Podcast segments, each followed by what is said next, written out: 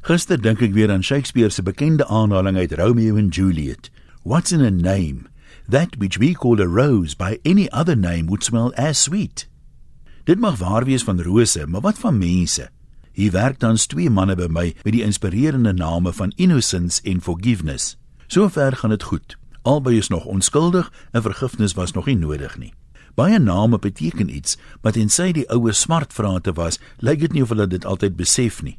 Hoekom sal jy nou 'n onskuldige klein babatjie opsaam met 'n naam wat iets soos pyn of bitter of smart beteken? Hoopvolle name is daar meer algemeen.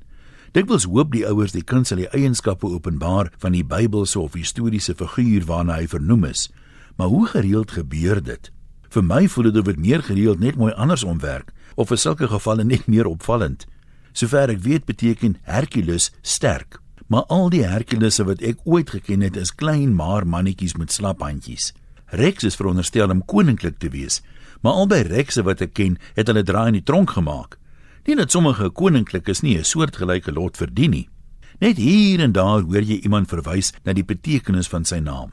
Hulle ouers het waarskynlik tyd spandeer om die naam te verduidelik en voor te hou as 'n doelwit in die lewe wat by bereiking self trots sal aanwakker. As jy gereeld herinner word jou naam beteken vredemaker, sal jy seker een of ander tyd meer geroepe begin voel om vrede te maak eerder as om rusies aan te wakker. Maar sê nou jy kon vandag self jou naam kies om by jou te pas. Kom ons vergeet vir 'n oomblik van die name van bekende akteurs, sportmense of ander helde of heldinne.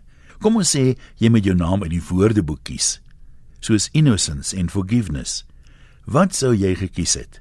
En dink jy mense wat jou ken sou gedink het dis 'n gepaste naam wat jy kies? Toe ek 'n moedige maar moe ma vra watter woordeboekname sy haar twee seuns sou gee, antwoord sy met 'n gelate sug: Helsimpie en verdriet. Wel, ek is heel tevrede om anoniem te wees. Groete van oor tot oor.